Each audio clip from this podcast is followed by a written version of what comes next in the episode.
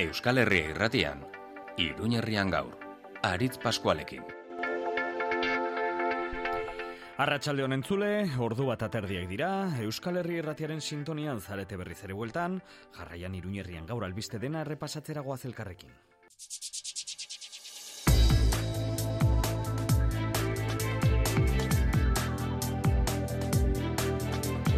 Egungo Nafarroako gobernuaren plantilla organikoaren argazkiak ezinezkoa egiten du herritarrak administrazio ezberdinetan euskara erabilia alizatea. Alaxe, ondorio da dezakegu hizkuntza eskubideen behatokiak egin duen txostenetik. Beraz, Euskaldunon hizkuntza eskubideen urraketa sistemikoa dela, bai ez dugu honela, eta soilik, herritarron presioak eta horren ondorioz borondate politikoak alda dezake hori. Euskaldunak ez gutxi etxi, kanpaina bian jarri du kontseiluak eta behatokiak, datu hauek erakusten digutelako alboratu nahi gaituztela, Nafarroko gobernuak ez dituela aintzat hartzen gure eskubide taskariak. Euskara berriz ere gain nagusi hemen Euskal Herri Irratiaren albiste kontakizunean martxoaren hogeita biko egun honetan. Badain zuzen hizkuntza eskaintza zere arituko gara, baina hemen iruñan bertan. Udalak aurre eskoletarako ingelerazko programazioa aurkeztu baitu gaur goizean. Arritu gaituena da, aurkezpenean bertan, prentsaren aurrean egindako saioan, programazioaz baino, aurreko legegintzaldian, Euskararen euskan, eskaintza zabaltzeko pausoak salatzen aritu direla Navarra sumako zinegotziak behin eta berriz, ingelera Euskararen aurrean edo aurrez aurre jarriz. Eta udalean bertan gaur eskuinak atzera egin behar izan du, Enrique Maiak ezin izanen du, diru publikoa erabili hiriburutza gutunaren aldeko eta Nafarroko gobernuaren kontrako propaganda kanpaina egiteko. Gaur oposizioak bat egin du bere poltsikotik ordain dezan eskatzen. Nafarroko parlamentuan kontatu genizuen atzo, PSN da bakarrik geratu dena, baina haiek erabakita, historikoki Nafarroak Saharako herriarekiko zuen aho bateko elkartasuna apurtu dute sozialistek, ferrazen aginduz, Madrilen aginduz, norabide aldaketa honetaz eta aliantza politikoetaz solastu gara gaur goizean, alde parlamentuko presidentearekin. Abia durandiko trenari alternatiba eh, badago trenbideetatik alden du gabe gainera. Bestelako eredua planteatzen du trenaren aldeko plataformak jasangarriagoa, sozialagoa, ikerketa abiatu nahi dute txosten teknikoa egin alternatiba hau azaltzeko eta horretarako herritarren laguntza ere eskatu dute. Eta zuzen alternatibak ditu mintzagai egun hauetan ekonomia alternatiba eta solidarioen sareak itzaldi eta mai inguru ezberdinetan.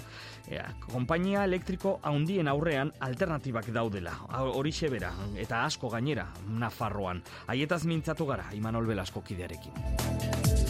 Gaur hain zuzen kamioileriak berriz ere iruñeko erdiguneraino heldu dira grebarekin aurrera jarraitzen dute erregaien sal neurria haundia dela eta greba honen ondorioz merkatu eta zoketan momentuz normaltasuna da nagusi gure inguruan.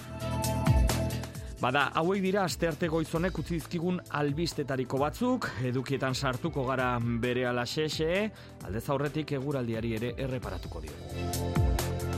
Eguna izetsua berriz ere gaurkoa, odeiak zeruan nagusi eta momentuz euririk utzi ez digutenak. Gaur esan bezala, aizea berriz ere protagonista, iruro gehieta mar kilometro orduko aize boladake ditugu eta somatzen dugu. Arratxaldean, odei ilun hauek desagertu eta eguzki dostarte tarteren bat ere ireki daitekela diote iragarpenek, euri mehatxurik ere gainera ez dugula izanen, biharko eguna are eguzkitxoagoa izanen dela diote meteorologian adituek, ostegun arratsaldetik aurrera berriz ere odeiak nagusitu aurretik. Orain esan bezala, estalita, zerua ikusten dugu hemen, irrintzi dorreko gure terraza honetatik, eta aizea zakarre iruñerrian, amaika gradu markatzen ditu Euskal Herri irratiko gure termometroak. Ordu bat eta hogeita amabos minutu dira, Igor Eskudero tamendi teknikan gidari dugula asteragoaz. Iruñerrian gaur.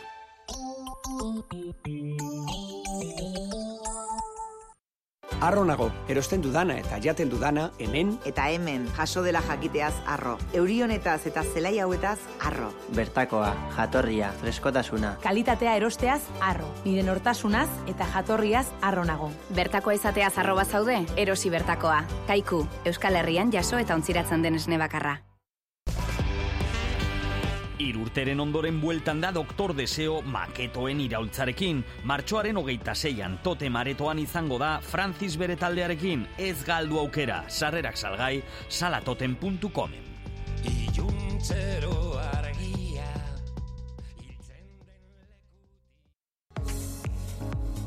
Autoko giltza, agintea edo sarraia konpondu beharra duzu?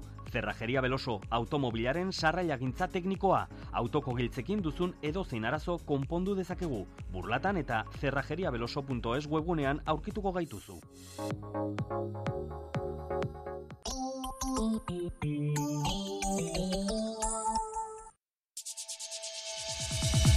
Iruñerrian gaur, albisteak.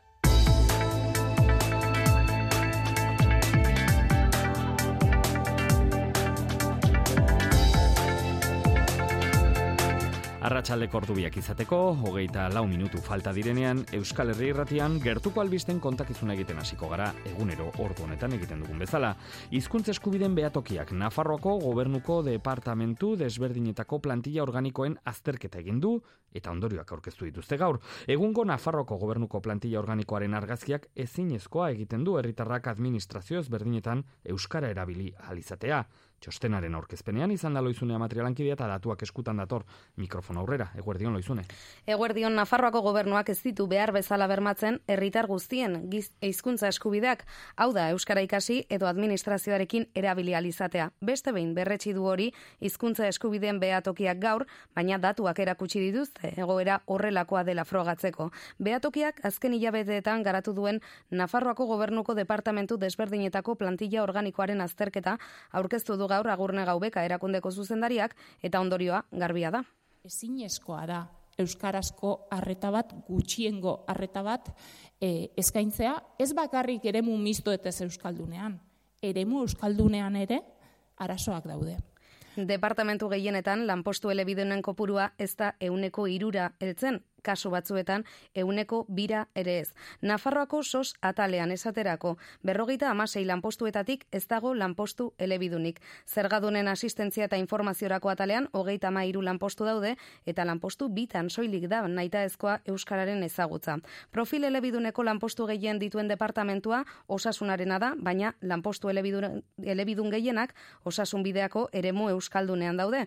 Zeladore kopuru bik bakarrik dute Euskararen derrigortasuna Nafarroa osoan ez dago euskarazko naikta eskotasuna duen espezialista lanposturik eta beste adibide bat Nafarroa osorako profil elebiduna duen psikologo kliniko bakarra dago. Pediatren kasua ere larria da. E, Nafarroa osoan irurogeita bederatzi pediatra daude, horiet, eta horietatik bederatzik dute euskarazko bebi profila.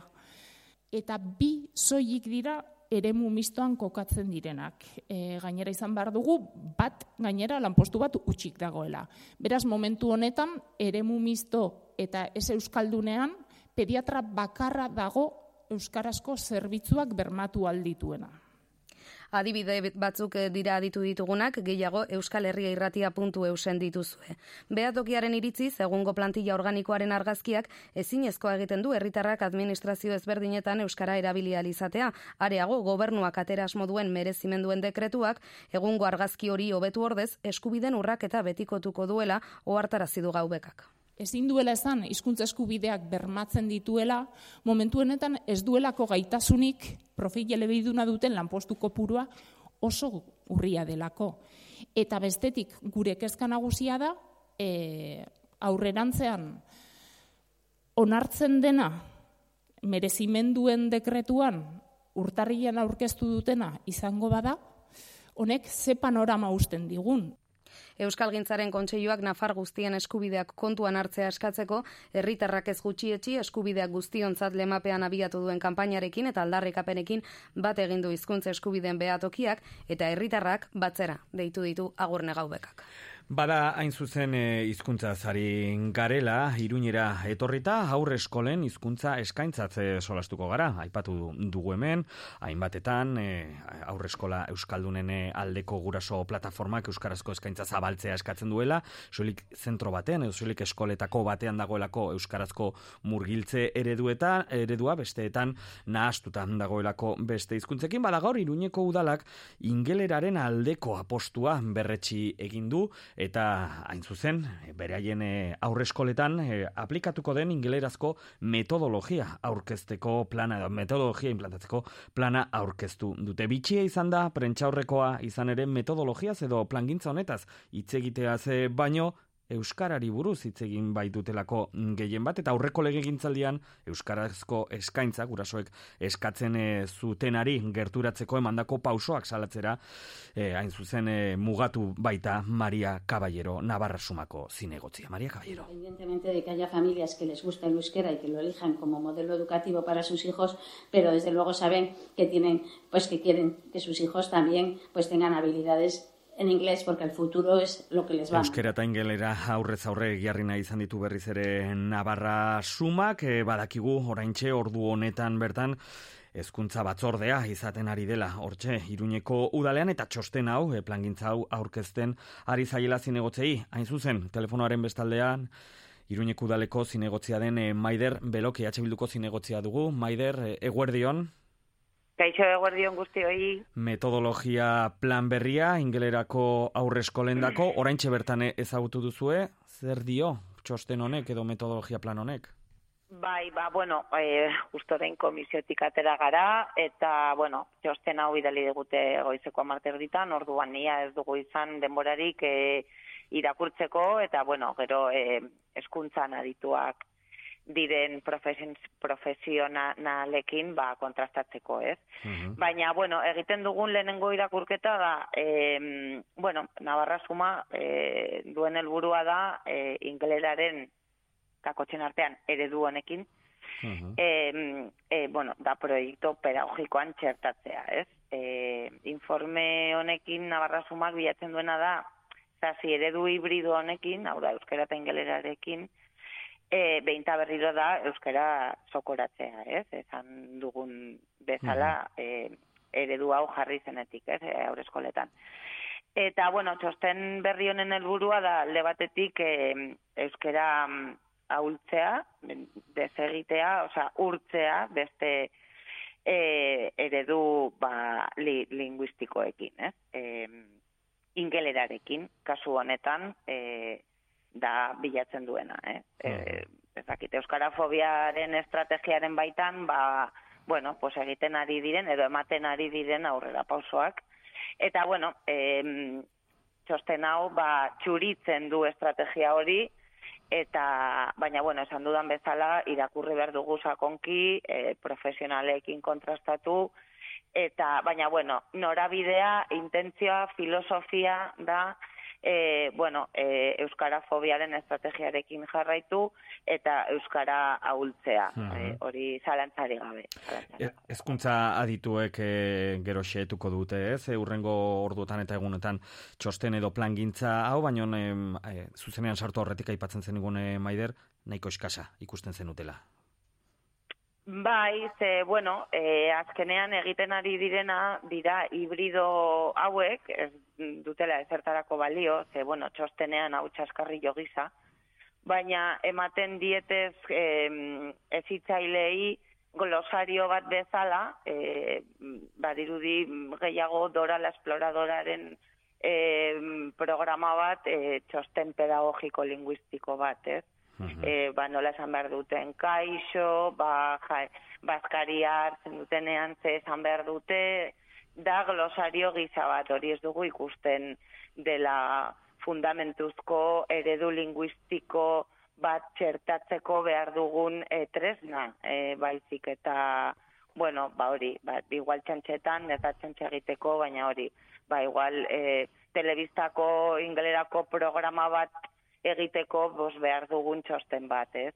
Eta azkenean, ba, bueno, pena da, baina mm, nor kateratzen da kaltetua, ba, bueno, e, iruñeko familiak, hori bai bai, Euskaraz e, ikasi nahi duten familiak, eta azkenean e, kalitateko eskuntza da kaltetzen dena. E, azkenean egiten ari gara, e, Euskara zokoratzeko, Euskara e, bueno, desagertzeko edo desegiteko erabiltzen ari garen e, eredu batzuk e, surrealistak direla. Eta, bueno, hori da pena ematen duena, ez? E, bueno, azkenean, e, elburua ez da e, e, e, izkuntzak erakustea, baizik eta euskera zokoratzea. Orduan hori da hori da, bueno, ba, drama, ez?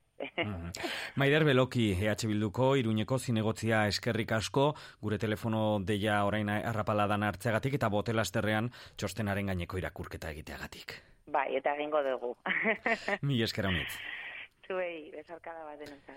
Iruñek udaletik mugitu gabe. Gaur Navarra sumako aginte taldeak atzera egin behar izan du, berriz ere gutxiengoan geratu eta salaketa mehatxua ere izan duelako.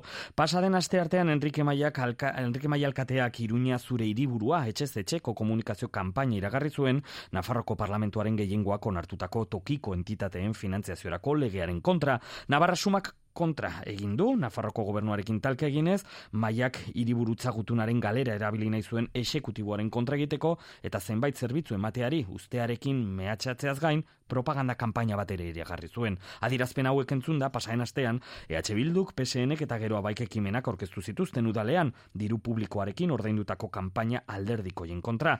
Gaur ez datu eta bozkatu da udal batzordean eta gutxiengoan berriz ere bakardadean geratu da Navarrasuma. Gogor egin dute bozera male guztiek eskuineko koalizioaren kontra. Ebaranguren EH Bildu.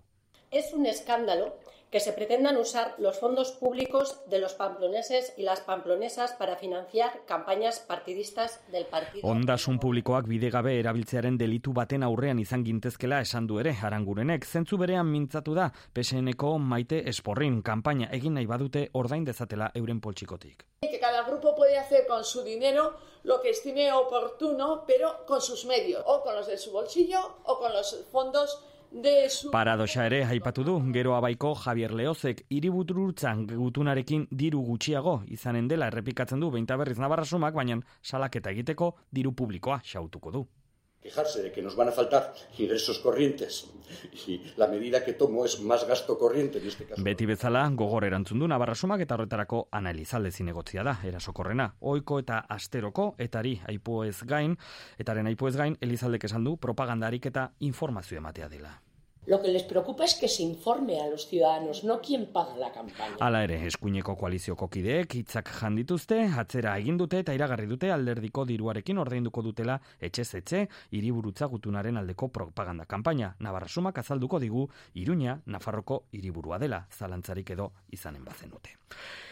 Horrela dago eztabaida politikoa Iruñeko udalean, bero, beti bezala, eta atzo ere okertu egin zen giroan Nafarroko parlamentuan, baina kasu honetan PSN kapurtu zuelako alderdien arteko batasun historiko bat. Saharari buruz eginen duen, egin duen norabide aldaketa zari gara, gaur gaiaz galdetu diogu parlamentuko presidentea den Uan Unai Ualderi hemen Euskal Herri erratian.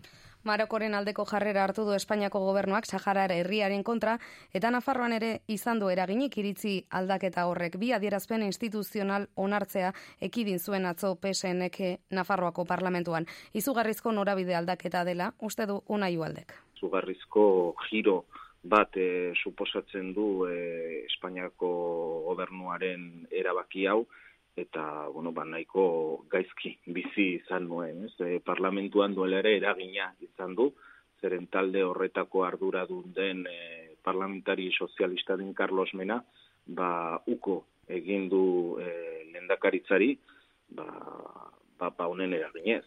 Lan erreforma aurrera ateratzeko Madrildik agindu zitzaien eta upenerekin sinatutako akordioaren ondotik iritsi da sozialisten iritzi aldaketa eta ualdek kezka agertu du horrekin ere da bakarrik e, gobernuaren kideekin harremanak, baizik eta Sahararen asuntoa, ban ikustu dut, beste talde guztiekin eh, harremanak e, nola baitere e, jartzen dituela kolokan zen, eta hemen adostasun zabal bat zegoen, ez? E, hau bat. PSN UPN iraganeko eskemak gainditzeko behar azpimarratu dugu aldek. 2008an abiatutako gobernu moldearen aldeko apostua berretsi zuen atzo Eusko Alderdi Jeltzaleak Euskadi buru batzarrak egindako bileran. Gero abai koalizioa da hori mantentzeko bidea ualderen iritziz, baina sozialistei ausardia eskatu dira.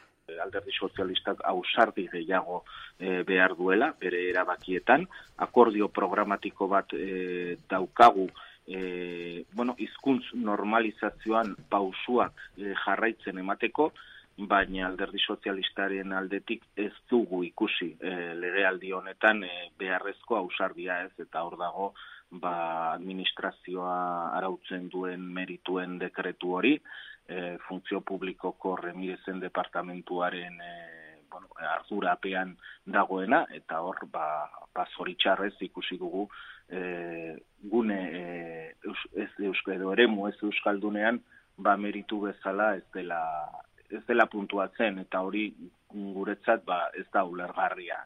Iruñean egin du Eusko Alderdi Jeltzaleak azken bilera eta Napar buru batzarreko presidenteak iragarri du aberri eguna kalean ospatuko dutela Bilboko plaza berrian eginen dute apirilaren amazazpian.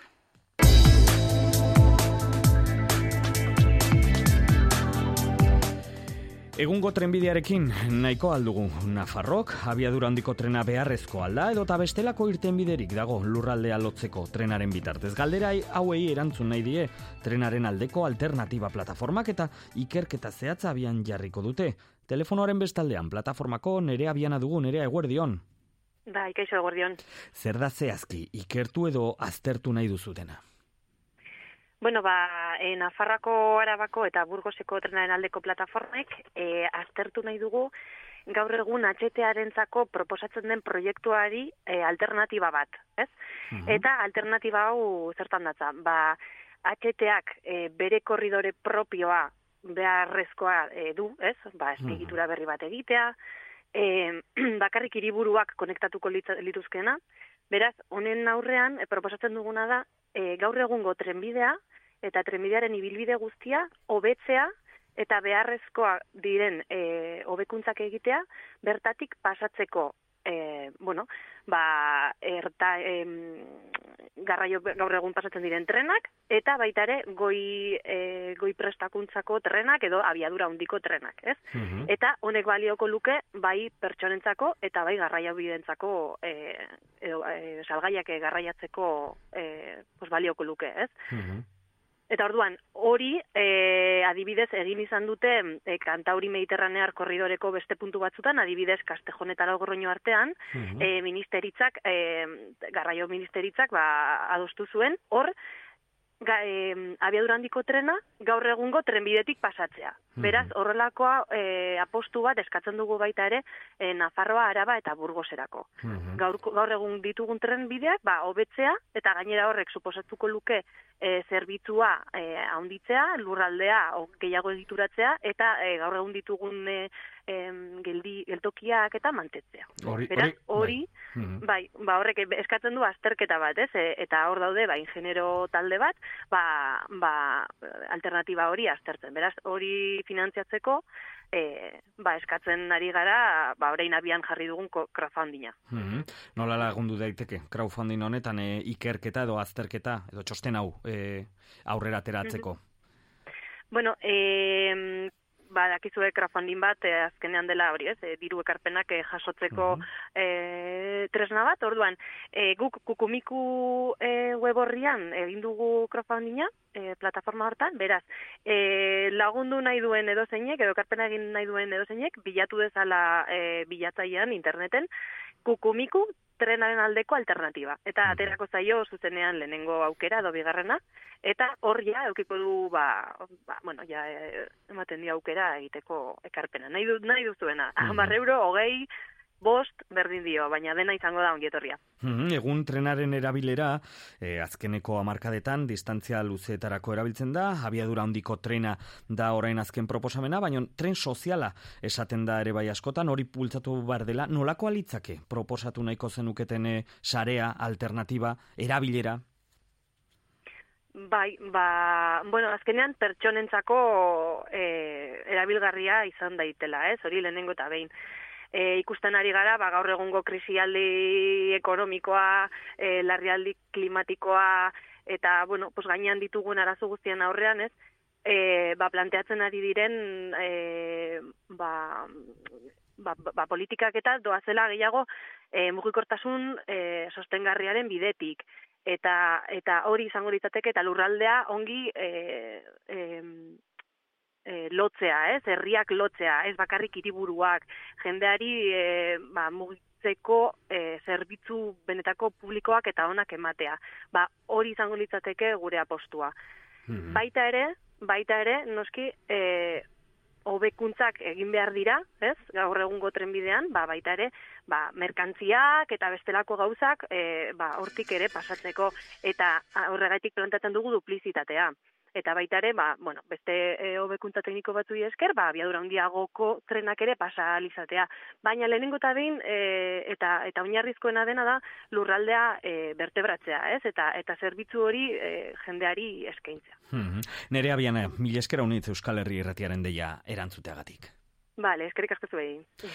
Badain zuzen energia modu berriak ere aztertzen ari dira Andreas Nafarroak antolatutako jardunaldietan. Argindar konpainia haundien greenwashinga salatu dute berez energia berriztagarriekin bestelako arazoak sortu nahi dituztelako, baina alternatibak badaudela ere azaldu digute. Imanol Belaskorekin mintzatu gara Euskal Herri irratian. E, komunitate energetikoei e, buruzari nahi dizketan, ez? Adibidez dakite, espartzako energia erkidegoari, gares energia edo gares bideri, som energiari, goiener, eta ere bai e, isabako e, ezkai baia energiari, ez? Hau de, udaleko energia plataforma da, ez? E, bueno, hauek e, plataforma eta komunitate hauek e, merkatua dagoen bezala ikusita bere zaitasunak ere e, izaten ari dituzte, eta bueno, horrela e, tratatuko dugu eta horretaz tirengo dugu apiria den lauan, baino e, haiek dira e, du, e, argiena, ez? E, Behintzat Nafarroan milioi erdi biztaldeekin, ba, gutxienez, horrelako bost pasei ditugu, e, segurazki asko, asko gehiago, e, usten ditudanak orain, orain bertan, baino ereduak badaude eta ez da e, behar asko bilatzea, ez? Eta e, horretaz hitz egitea uste dugu oso, oso garrantzitsua dela. Eh? Martxoaren hogeita sortzian eta pirilaren lauean mai inguru berriak izanen dira. Iragarkin darteaz, jarraian hemen Euskal Herri irratian. Iruñerrian gaur. Ozen denok, eman bide Euskal Herri irratiare! Euskal Herria irratia. Inkesta galdetzen badizute esan ozenki Euskal Herria irratia entzuten dut eta arronago. Egin dezazun bidea.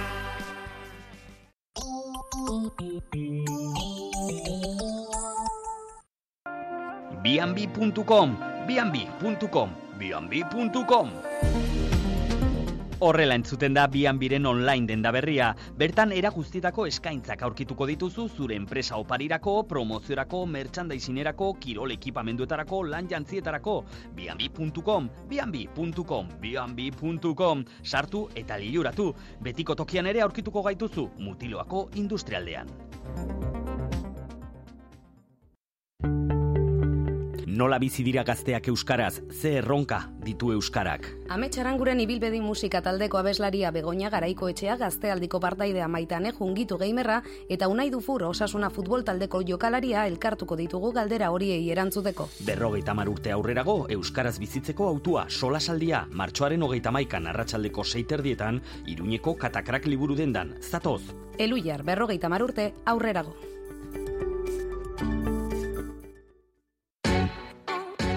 Carmen Kaleko herriko taberna, aste guztia irekia eskaintza paregabearekin.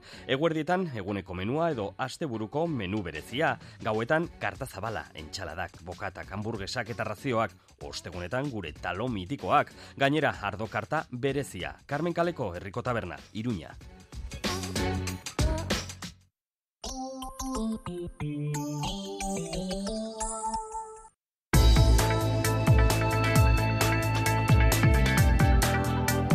Bada, halase, albiste guzti hauek errepasatuta, iritsi gara, zuzen kontakizun honen eh, amaierara, hemen Euskal Herri irratiaren eh, sintonian. Gogoratu, euskalherriirratia.eus gure webunean, albiste guztiak entzungai eta irakurgai eh, dituzuela, baita ere gure sare sozialetan, Facebooken eta Twitterren ere, arratsaldean irrintzi plazaren azkeneko tartean, azken orduko albisteak errepasatuko dituzte gure arratsaldeko lankideek, bestela ere bihar goizean goizean bai, hemen, loizune, amatria Rekin Euskal Herri irratiaren sintonian bihar arte entzule.